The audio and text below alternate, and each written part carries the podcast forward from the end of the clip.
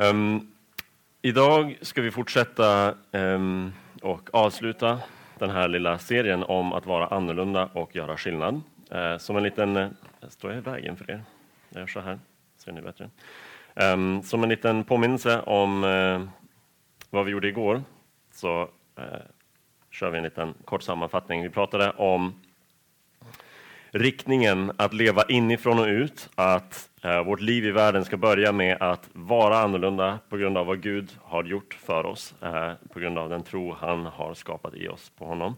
Och att sen därefter gå ut och göra skillnad. Att det är viktigt att börja på rätt ställe och att inte eh, vara för upptagen med att eh, just göra skillnad innan vi eh, har låtit Gud ehm, göra oss till dem han vill att vi ska vara. Och så pratar vi då om att vara annorlunda, att vi har en ny tillhörighet och att vi har en ny berättelse. Det är de två sätt som gör oss annorlunda. Vi tillhör Gud och vi lever i tron på Jesus i historien och det framtida hoppet. Och det här ger våra liv en riktning.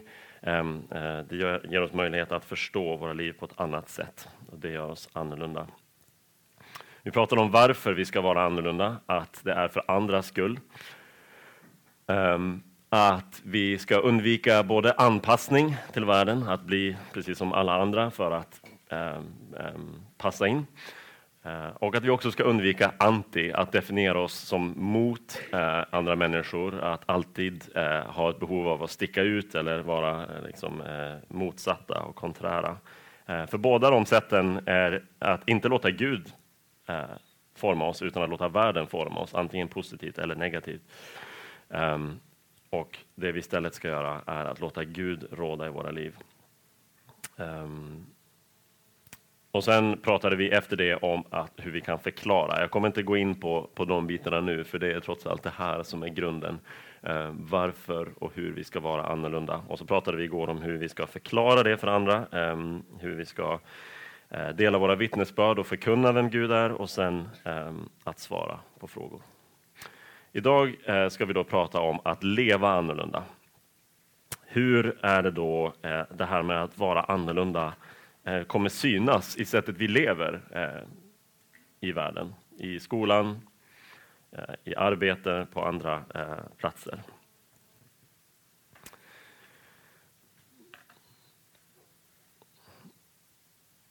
Prickarna har varit grå, röda eller gröna, så ni undrar såklart vad gör en vit prick på duken? Det där är en marshmallow.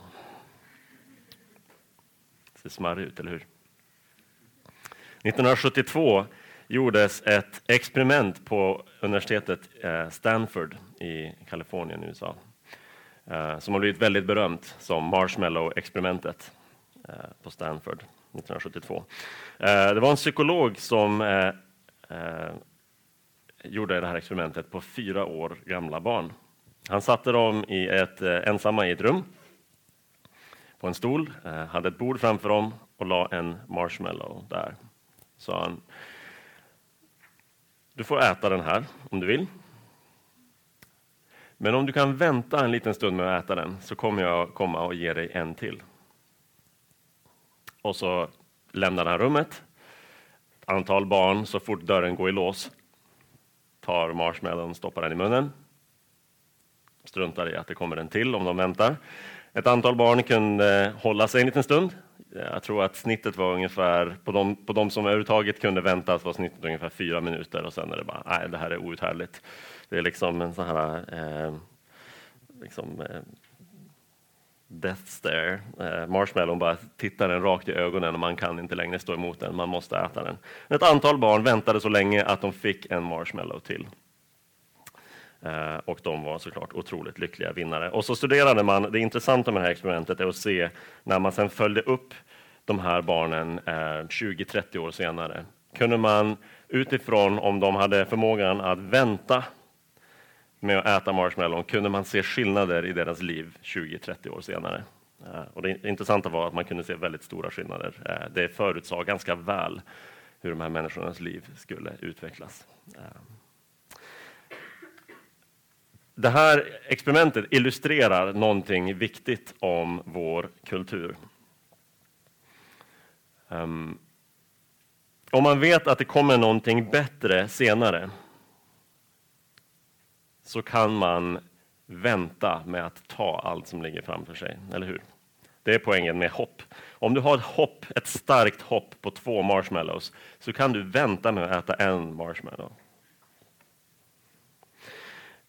Vår kultur har tappat tron på de stora berättelserna, på de stora förklaringarna av världen som ger hopp. Vår tro har lämnat den kristna tron som säger att Gud kommer en dag skapa världen ny. Det blir mycket bättre än två marshmallows när synden är borta, när vi lever i full gemenskap med honom ehm, och med varandra. Utan en sån berättelse som ger hopp, som säger att det kommer någonting bättre, så blir vi som fyraåriga barn som sitter ensamma i ett rum. Ingen kommer komma och ge dig en till marshmallow. Allt som finns är den som ligger på bordet framför dig. Vad är det logiska att göra? Det är att ta den så fort du kan och äta den och se om du kan hitta fler undangömda i något hörn eller i något skåp någonstans. När vi eh, försöker studera eh, vad det eh, betyder att vi ska leva annorlunda, när vi ställer oss frågan om vad är, hur kommer en kristen etik, för det blir det det handlar om, sättet att leva våra liv, hur kommer den sticka ut? Så behöver vi förstå lite grann av de ehm, övertygelser som formar hur vi lever i största allmänhet i vår kultur idag. När det inte finns något hopp finns det inget skäl att vänta på att ta eh, det man kan få. Därför tänker vi så här, hur kan det vara fel när det känns så rätt? Om allt som finns är nuet, det finns ingen framtid och inget förflutet som egentligen formar hur jag ska leva i världen, så måste jag ju följa nuet. Och om det känns rätt kan det därför inte vara fel. Hur ska jag få... Eh, så hur kan det vara fel när det känns så rätt? Hur ska jag då få vägledning om hur jag ska leva? Vad är det, vad är det vanligaste rådet? Eh, den den liksom mest eh, typiska eh, vägledningen vi får i vår tid för hur vi ska kunna navigera i livet. Vi ska följa vårt... Vad ska vi följa? Följa vårt hjärta. Vi ska följa vårt hjärta. Jag sökte på eh, sajten allmusic.com på frasen Follow your heart och det har gjorts 281 låtar som inte innehåller de orden utan som heter Follow your heart. 281 låtar som heter Follow your heart. 47 album har titeln Follow your heart. Um, inte alltid ett helt liksom, felaktigt påstående. Um, men att, att det är någonting vi upprepar till oss själva så ofta att man måste fråga sig om det, om det ligger eh, så mycket djup i det som vi tror att det gör. Det har blivit en fras eh, som betyder väldigt mycket. Gör din grej, gör vad du vill. Det finns ingen annan som kan tala om för dig vad du måste göra. Det finns, det finns ingen som har auktoritet, ingen som har rätt att säga att det här är vad meningen med livet är. Det här är vad du borde göra. Du borde kanske avstå från det där för att offra dig för det här, eller det här är viktigare. Följ ditt hjärta. Bibeln säger oftare vakta ditt hjärta och följ Jesus. Det är en kontrast, eller hur?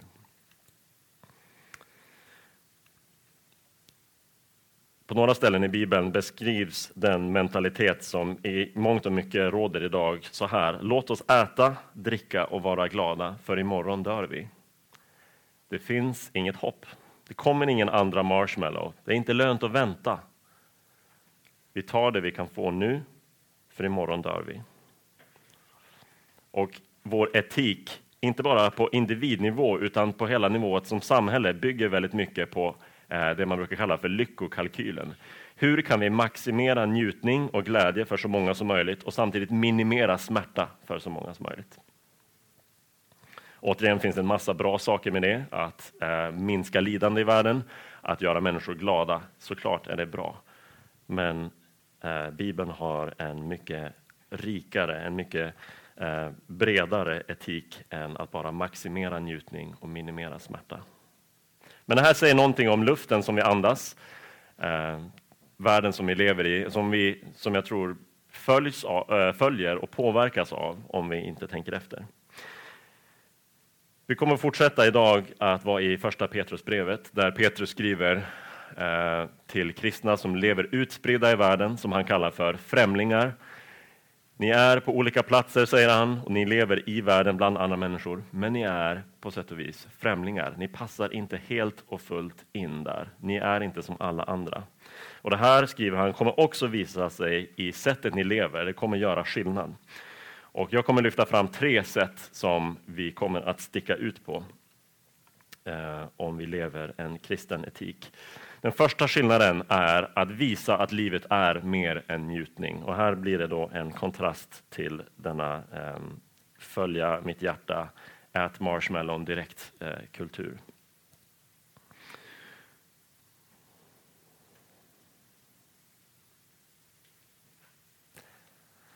Som lydnadens barn ska ni inte styras av de begär som ni tidigare levde i när ni ännu var okunniga. Mina älskade, jag uppmanar er som främlingar och gäster att hålla er borta från de kötsliga begären som för krig mot själen. Att följa sitt hjärta är ju att följa vad det än är som lockar en, följa sina begär. Bibeln eh, kan tala om begär som något både positivt och som något negativt. Men här är det tydligt att för Petrus, när han råd, ger råd till de kristna, så är det viktigt att fråga sig vilka begär finns inom mig? Vilka ska jag följa? Styr de mig? Um, paradoxen är när vi tror att vi är i kontroll och säger att jag vill ta det som känns bra. Jag vill följa mina begär. Jag vill göra allt det som ger mig glädje, eh, ger mig tillfredsställelse. Så säger Petrus, du kommer sluta med att vara styrd av begären. Och Eh, ett av de vanligaste sätten som vi ser det eh, eh, i vår tid idag, inget nytt fenomen, men det är kanske mer utspritt än någonsin, är hur vanligt det är med olika former av missbruk. Som börjar med ett begär som, som verkar så positivt, som verkar så livsbejakande, som verkar så um, skapa så mycket glädje. Men när man följer det så kommer man förr eller senare att styras av det. Man kan inte längre säga nej, när det, ens när det börjar kosta en relationen, när det börjar kosta en möjligheten att leva sitt liv som man ska. Eh, missbruk tar alla möjliga former. Eh, alkohol, droger, sex, porr, eh, spel, eh, både tv-spel och att spela om pengar och så vidare. Att följa hjärtat, följa begären slutar lätt i att styras av begär. Eh, vi har lätt i vår kultur en väldigt naiv syn på, eh, på våra egna impulser och tänker att men om vi bara följer vårt hjärta så kommer vi att bli lyckliga. Men Petrus skriver att de här begären, när de är riktade mot eh, antingen det som inte är gott eller bara riktade mot det som är eh, gott fast på fel sätt. När man bara vill gripa efter det och ta allt man kan få, så för de krig mot själen. Det finns ingen fred, det finns ingen frid i att hela tiden följa sina impulser. Istället för de krig mot själen. Det är inte det att Petrus är eh, mot det goda livet. Eh, han talar om att vi ska smaka att Gud är god. Här citerar han eh, den 34 salmen. Smaka och se att Herren är god. Smaka. Det är något mer än att bara tänka, ja, Gud är god i något slags abstrakt sätt, det är att verkligen eh, rikta sina begär och sitt hjärta mot att Gud är den som ytterst sett kan tillfredsställa vår längtan. Vi sjöng det i sången, en av sångerna före jag började prata nu, jag vet inte om ni märkte det, men du är mitt begär. Det som smakar gott, det som känns bra i min kropp är inte det som ytterst sett kan tillfredsställa allt det mitt hjärta längtar efter. Det är bara Gud som kan göra det. Därför säger Petrus att vi behöver vara förståndiga och nyktra eh, så att vi kan be. Det finns ett behov av att eh, inte låta oss styras av begären utan att kunna ta ett steg tillbaka och säga Ska jag följa mitt hjärta här? Eller kommer mitt hjärta leda mig vilse om jag tillfredsställer allt det begär efter i det här ögonblicket? Med andra ord, som kristna sticker vi ut, som kristna är vi annorlunda därför att vi tror inte att begären är en pålitlig guide till det goda livet.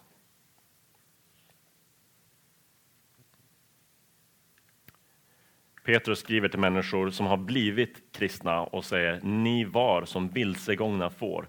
Ni följde alla era impulser. Ni hängav er åt eh, den här sortens festande eller åt allting som ert hjärta ville ha. Det finns så många olika saker. Eh, pengar, you name it. Ni var som vilsegångna får när ni bara följde era begär. Men nu har ni vänt om till era själars herde och vårdare. Det är inte vårt eget hjärta vi ska följa, det är inte våra egna begär vi ska följa. Det är Jesus vi ska följa, som är vår herde. Det är han som leder oss. Det är han som är den pålitliga guiden till det goda livet. För det är han som själv är god. Smaka och se att Herren är god. Det är den första eh, skillnaden, att visa att livet är mer än bara tillfällig njutning. Och det här gör, eh, för oss till ett antal kontrastpunkter. Jag har redan nämnt några av dem. Eh, Petrus skriver om hur de kristna tidigare deltog i vilda fester. Eh, kontrastpunkten för en kristen blir måttlighet eller kanske total avhållsamhet. Eh, det här är en fråga om eh, situation och ens egen ålder och en massa olika saker. Att vara vis. Vad kan jag delta i ehm, när vi eh, firar, när vi har en fest? Hur kan jag ehm, delta i det? Där kommer det bli en kontrastpunkt. En annan kontrastpunkt kommer vara ehm, trofasthet istället för flyktighet i våra relationer. Petrus skriver att vi ska älska varandra uppriktigt och uthålligt. Um.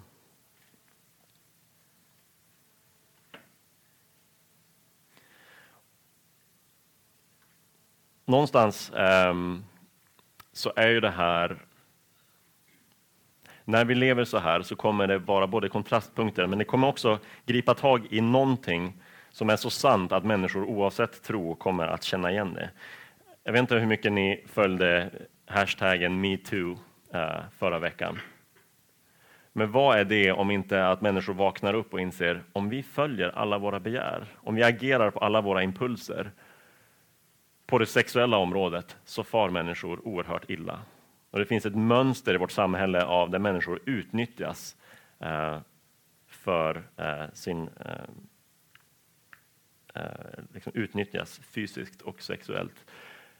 Och det finns ett enormt behov av trofasthet, av uppriktig, av uthållig kärlek. Av kärlek som säger att du är inte eh, till för att tillfredsställa mina begär. Så den första, eh, eh, den första skillnaden vi ska göra är att visa att livet är mer än njutning. Det kommer, vara, eh, kommer innebära kontraster som får oss att framstå som konstiga ibland, men som ett antal människor också kommer kunna se. Här finns någonting som är sant om världen.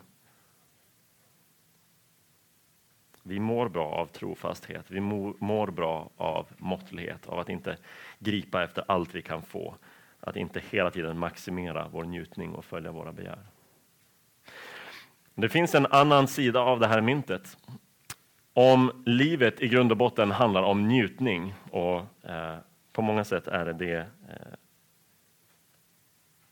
vi eh, lär oss idag så kommer alla former av lidande och smärta att upplevas som död. Om livet handlar om att allting ska kännas bra så är smärta, lidande och sorg olika former, stora eller små, av vad det är att dö. Och där blir nästa eh, kristna skillnad, att visa att lidande inte är döden. Att uthärda lidande beskriver Petrus eh, så här. Då nu Kristus har lidit till kroppen ska ni också beväpna er med samma sinne. Ty den som får lida till kroppen har slutat synda. Så att han den tid som är kvar inte längre lever efter människors begär utan efter Guds vilja. Att uthärda lidande, av vilken form den är, än så länge har vi inte pratat specifikt om någon särskild sort av lidande. Men att kunna uthärda smärta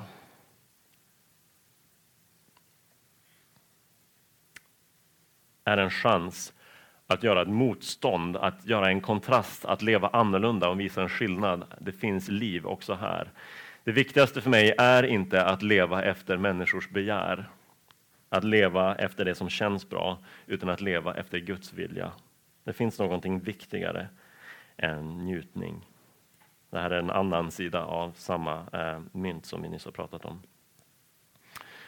Petrus är också öppen med att lidandet för oss som kristna kommer som en följd av att vi avstår från en del av de former av njutning som eh, andra söker efter. Det är nog med att ni förr levde på hedningarnas vis, i utsvävningar och begär, i fylleri och supkalas, i vilda fester och förbjudna avgudakulter. Därför är de förvånade och hånar er när ni inte längre tillsammans med dem störtar ner i samma ström av utsvävningar säger att en del av vad kristna kommer att lida av, en del av smärtan i era liv kommer att vara direkt orsakade av att ni är kristna, att ni därför gör en del val som ni inte gjorde förut eller som ni inte skulle ha gjort om ni inte var kristna. Att ni säger nej till att supa er fulla eller att ni säger nej till att prova eh, andra substanser som människor gör, att ni säger nej till eh, sexuella impulser eh, i fel sammanhang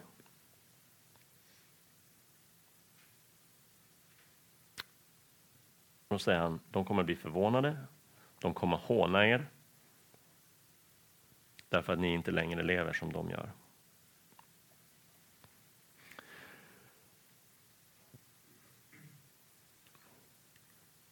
Han går längre än så, Petrus. Det här är vart det blir riktigt radikalt. Han säger, inte nog med att lidande inte är döden. Han säger, en kristen har styrkan, har möjligheten att ha glädje mitt i lidande. Mina älskade, var inte förvånade över den eld som ni måste gå igenom till er prövning, som om det hände er något oväntat. Nej, gläd er, ju mer ni delar Kristi lidanden. Då ska ni också jubla och vara glada när han uppenbarar sig i sin härlighet. Saliga är ni om ni hånas för Kristi namns skull, ty härlighetens ande, Guds ande, vilar över er. Men ingen av er ska lida för att han är en mördare eller tjuv, förbrytare eller förskingrare. Men om någon får lida för att han är kristen ska han inte skämmas utan prisa Gud för det namnet. Det finns en massa olika skäl till att livet kan vara jobbigt, till att man får lida. Petrus talar här om att eh, det finns ingen, eh, ingen ära i att lida om det bara är den naturliga Eh, konsekvensen eller straffet av något ont vi har gjort. Om någon är en tjuv eller en mördare eh, ska han inte se på sig själv som en martyr och tänka åh det är så synd om mig, eh, här får jag verkligen lida. Du har gjort någonting brottsligt, någonting ont.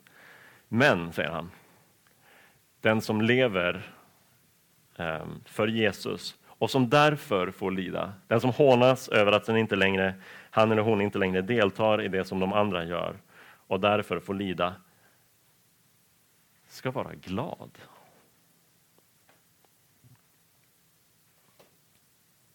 Det är konstigt. Eller hur? Vem är glad när man är ledsen? Att lida är att vara ledsen. Var, ledsna när ni är glada, äh, eh, var glada när ni är ledsna. Vilken slags uppmaning är det egentligen? Han säger, när ni är, är i den situationen, så delar ni Kristi lidanden. Ni har något gemensamt med Jesus. Ni har något gemensamt med Jesus. Ni är nära honom när ni lider. Och om ni får lida för det namnet, att ni är kristna, så ska ni inte skämmas utan vara glada.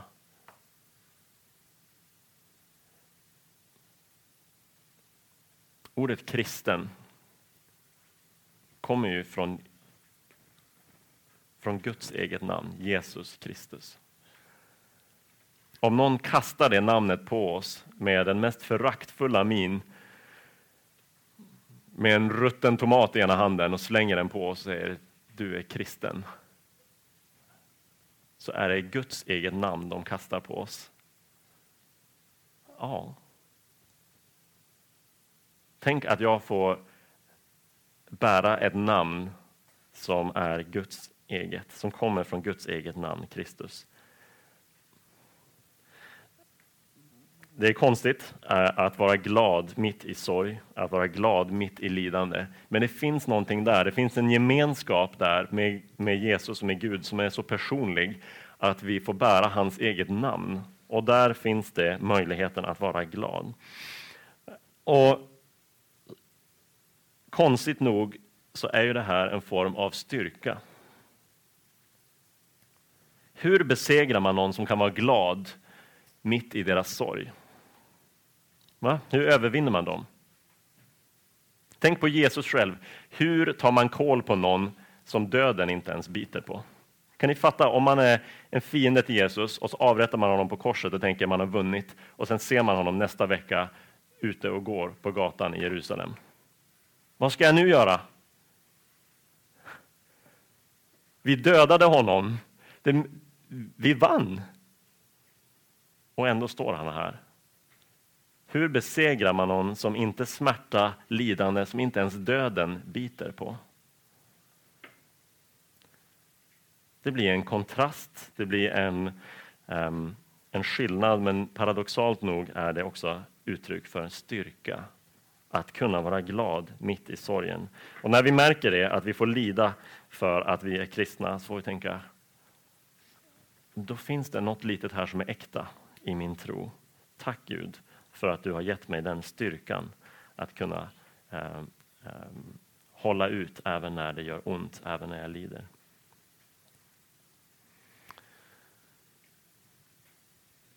Och den stora kontrasten blir ju att det är bättre att lida än att synda.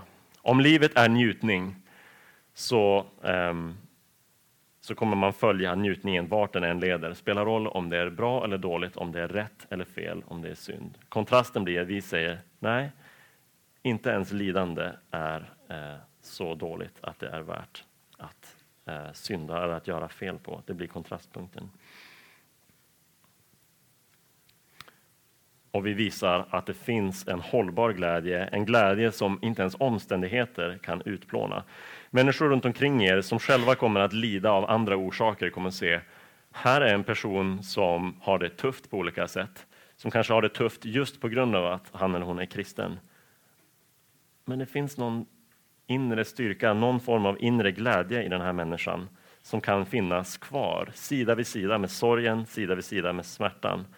Därför att glädjen är förankrad, den är hållbar, den är djupare, den är starkare, den är sannare.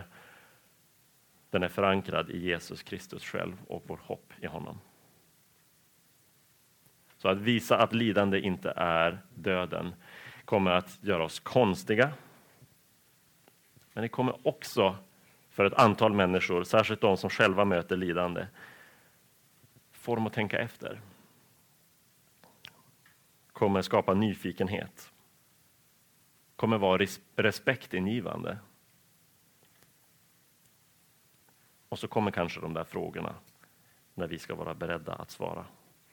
Så två av eh, skillnaderna. Att visa att livet är mer än njutning.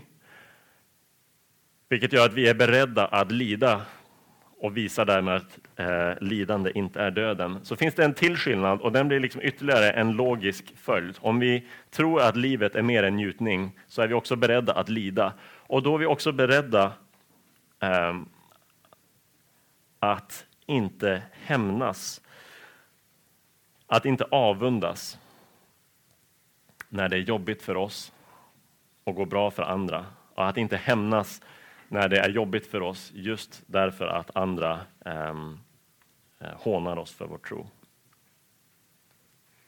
Petrus skriver så här. Lägg därför bort all slags ondska, falskhet och hyckleri, avund och förtal.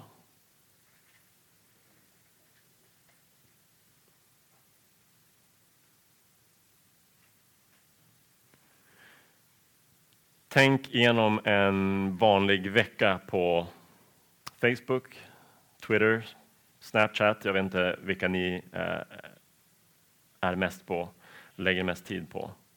Har ni där sett ondska, falskhet, hyckleri, avund och förtal? Har ni sett någon av dem? Är det någon som har sett något av det här i sociala medier den sista veckan?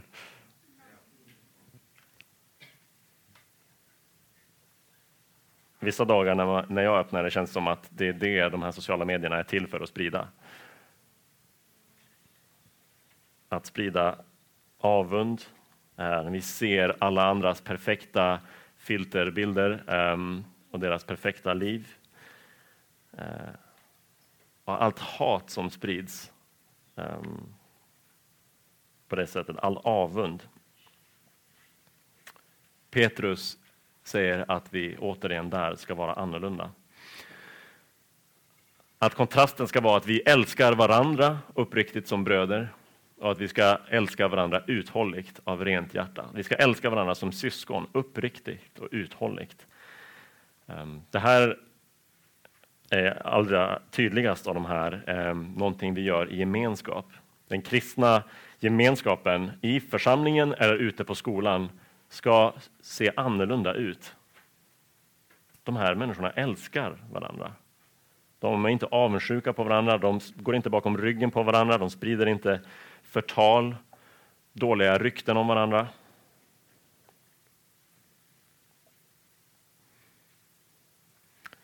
Petrus, eh, trots att han inte levde i en tid med sociala medier, visste att det här kommer att vara överraskande och kommer sticka ut.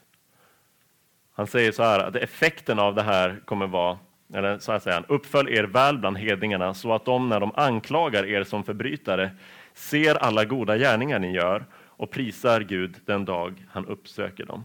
Så här finns en, en logik i alla de här tre bitarna som vi pratar om idag. Kristna följer inte precis alla de njutningar som de andra gör. Och det stör människor som säger vi ska trycka till dem, vi ska håna dem. Och när de gör det så skapar de lidande för de kristna. Men de kristna förstörs inte av lidandet utan har en glädje de kan hålla fast i ändå. Och inte nog med det, mitt i det här lidandet så hämnas de inte ens. Tre olika sätt som sitter ihop där de kristna sticker ut. Och mitt i att någon anklagar de kristna för att vara konstiga, för att vara förbrytare, för att störa. Här ska vi ha kul och så sitter du där din glädjedödare och tänker inte vara med. Mitt när de anklagar så, så ser de alla goda gärningar. Ser, men det är någonting, det är någonting gott. Petrus skriver eh, strax efter, det är Guds vilja att ni genom att göra gott ska tysta munnen på oförståndiga och okunniga människor. Ni är fria, men använd inte friheten som täckmantel för att göra det onda, utan för att tjäna Gud. Säger att det här annorlunda livet, när kristna inte slår tillbaka, när kristna lever väl, när vi inte hämnas, när vi inte förtalar, inte går bakom ryggen, så kommer den munnen som öppnas för att reta, håna och anklaga kristna kommer plötsligt bli tyst och stängas.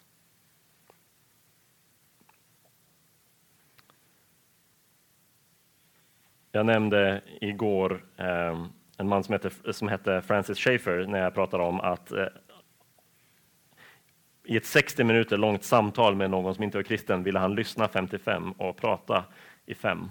En annan sak han har sagt som, eh, som är värd att eh, bevara är att han har kallat kärlek för den ultimata apologetiken. Apologetiken, alltså vårt försvar av den kristna tro, det vi pratade om igår. Att kunna svara på frågor, att kunna ge eh, skäl för den kristna tron.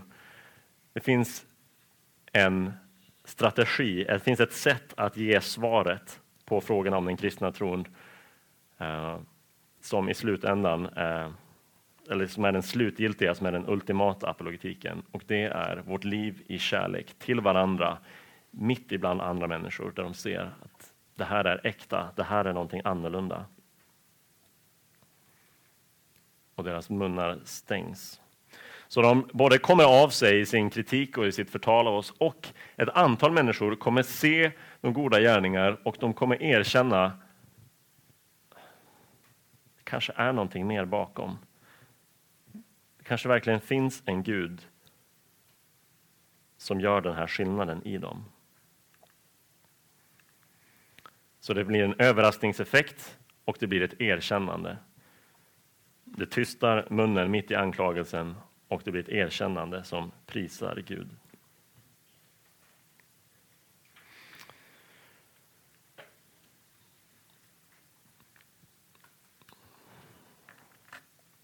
Jag har nu nämnt tre eh, sätt som vi ska leva annorlunda på.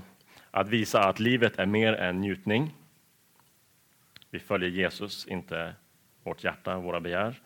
Att visa att lidande inte är döden. Det finns en glädje som håller också i, mitt i smärta och sorg. Och för det tredje, vi är inte eh, en gemenskap, vi är inte en grupp människor som kommer att hämnas när andra hånar oss. Vi har kärlek både till varandra och de utanför. Varför de här tre skillnaderna?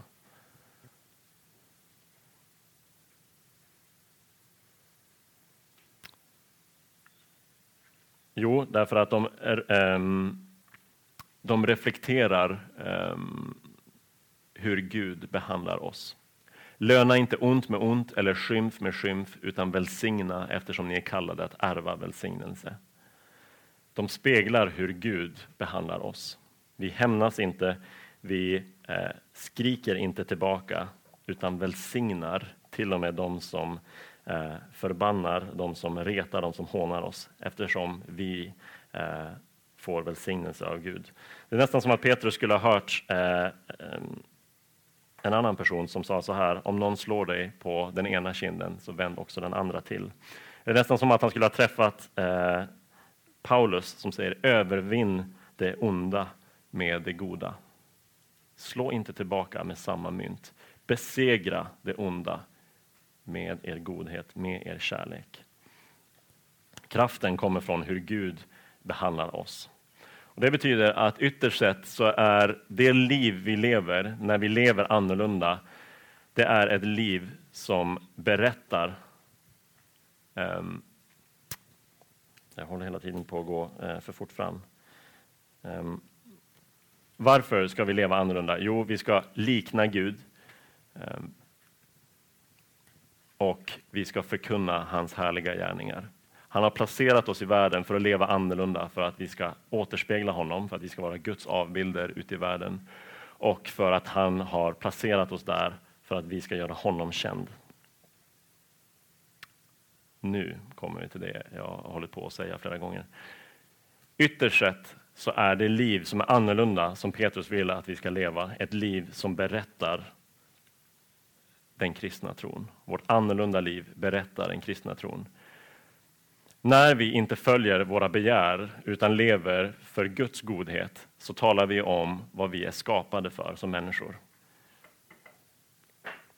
Vi är skapade för att njuta av Guds egen gemenskap. Vi är skapade för att vara hans avbilder. Vår identitet, det som gör en människa lycklig, det som gör en människa till det hon verkligen eh, ska vara, det som får en människa att blomstra, är att rikta sig mot Gud.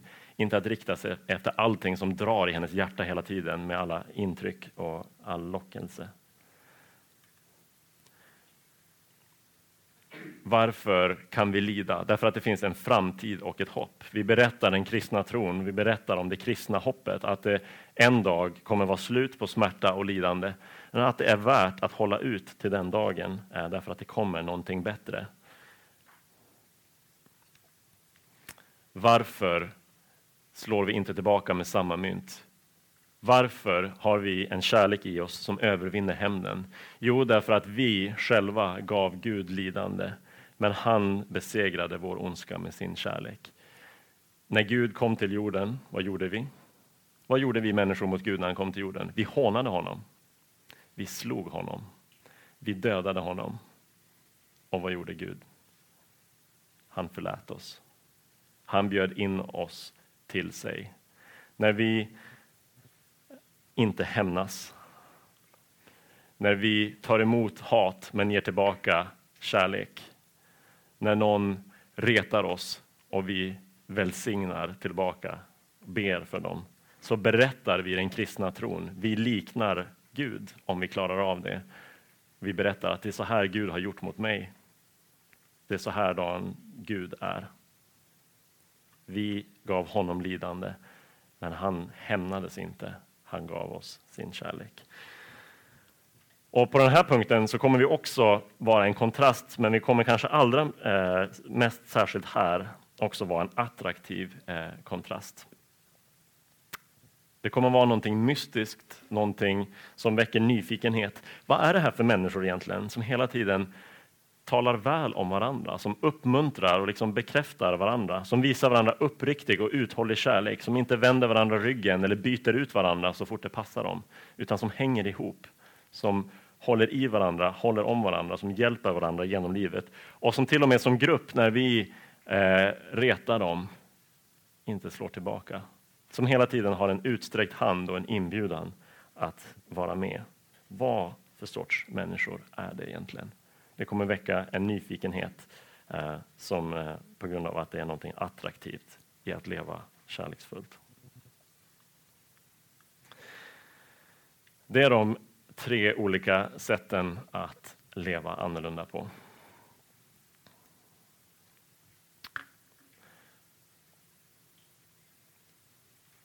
Eh, när jag har pratat med er eh, nu i helgen så Uh, har jag hört en del säga, ja men jag känner mig inte alltid så, så värst annorlunda, det är olika från olika situationer. Jag hör andra säga att de uh, märker det ganska tydligt, känner sig ofta annorlunda, de får stå ut med uh, glåpord och så vidare.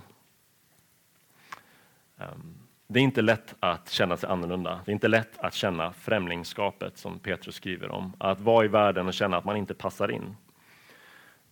Jag och min familj flyttade tillbaka till Sverige i somras efter två år eh, eh, utomlands. Och att gå på de gator där vi har bott eh, tidigare i fem år var en otroligt konstig känsla. Bara att höra svenska eh, från andra människor än min fru och mina barn var en otroligt märklig känsla. Jag kan det här språket. Jag hittar i den här stadsdelen. Jag bor här, men det är inte här jag vill vara. Mitt hjärta är någon annanstans. Jag känner mig inte hemma här, jag passar inte helt och hållet in här. Den känslan är ganska jobbig. Ehm, den känslan av främlingskap är någonting som Petrus bekräftar att den kommer finnas där. Ehm, och det är skönt att lä kunna läsa i Bibeln att vi inte ska vara överraskade av det. Att det här är någonting normalt. Det är så här det alltid har varit i eh, i världen för de som vill höra till Gud. Det kommer att kännas så här ibland, som att vi är omringade, som att vi sticker ut och som att vi inte kommer att orka det. En av de mest uppmuntrande eh, ska man säga, delarna av den kristna tron i det här sammanhanget är att vi är precis där Gud vill ha oss. Det finns en mening med att vi sticker ut. Det är en av de saker vi har pratat om den här helgen.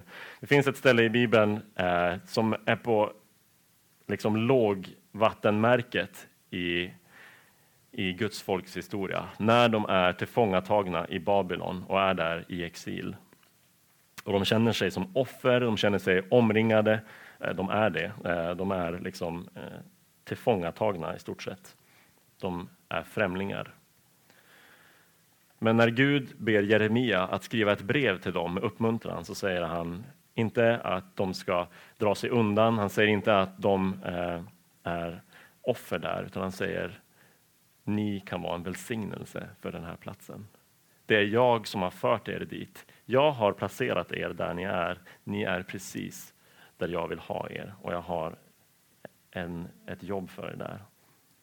Så när ni känner er så här ensamma och omringade, vad ska vi göra? Vi ska hitta varandra för det första. Hela helgen har jag medvetet pratat om vi, oss, vår, pratat om gemenskapen därför att det här är någonting vi inte klarar ensamma. Vi behöver varandra. Som gemenskap ska vi inte dra oss undan. Vi ska inte göra det enklare för oss genom att flytta bort och hålla oss på vår egen kant och vara anti. Istället ska vi leva mitt i och vi ska fokusera på Jesus. Vi ska följa Jesus, inte fokusera på hur annorlunda vi känner oss, hur annorlunda vi är. Och Jesus själv, står i Bibeln, kom till sitt eget, men hans egna tog inte emot honom. Hela Jesu liv är ett exempel på någon som sträcker ut en hand i kärlek, men som gång på gång avvisas ända tills han en dag hänger på ett kors utanför staden. Du hör inte hemma här, säger de till honom. Jesus vet med andra ord mycket väl hur vi känner. Och när vi lever nära Jesus, när vi lever ut den här skillnaden, att livet är mer än njutning, att lidande inte är döden, att det finns en kärlek som till och med övervinner hat och ondska, så kommer effekten vara att människor också dras närmre. Det kommer finnas någonting som lockar med det här livet. Det sista eh, jag vill lämna er med innan vi ska be tillsammans är de här orden från Petrus. Det hänger inte på att vi klarar av att vara tillräckligt annorlunda. Det hänger inte på att vi klarar av att säga rätt saker, att göra rätt i alla situationer, att vi är de perfekta eh, olikfärgade runda prickarna där vi är. Vad är det som vi hoppas på? Petrus skriver att det är Guds makt som bevarar oss till den frälsning som finns beredd och ska uppenbaras i den sista tiden. Vi kommer att klara det här därför att det är Gud som håller i oss. Vi ber tillsammans.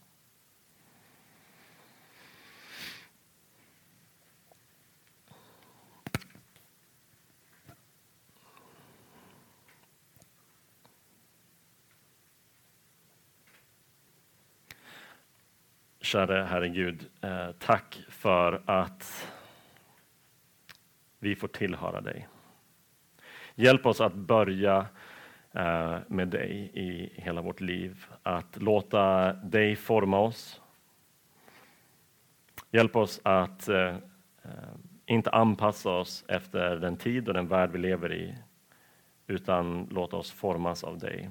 Hjälp oss att våga ta konsekvenserna när vi blir annorlunda.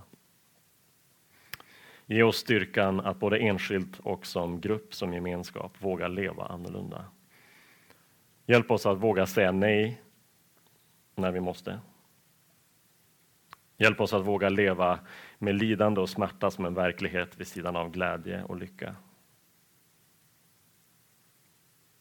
Hjälp oss att orka visa kärlek också mot dem som visar oss eh, elakhet. Eh, eller ondska och hat. Hjälp oss att vara ett folk som inte hämnas utan som lever evangelium. Därför att du tog allt det onda i din egen kropp och gav tillbaka bara kärlek och förlåtelse. Hjälp oss att vara annorlunda, hjälp oss att leva annorlunda och hjälp oss att vara beredda att förklara för andra varför det är så när de frågar oss. Tack för alla människor i det här rummet Jesus och för alla de platser som de är utspridda på som främlingar, där, där de är därför att du vill ha dem där. Jag ber att du ska ge dem styrka att hålla sig kvar eh, vid dig. Tack för att du håller dem kvar. I Jesu namn. Amen.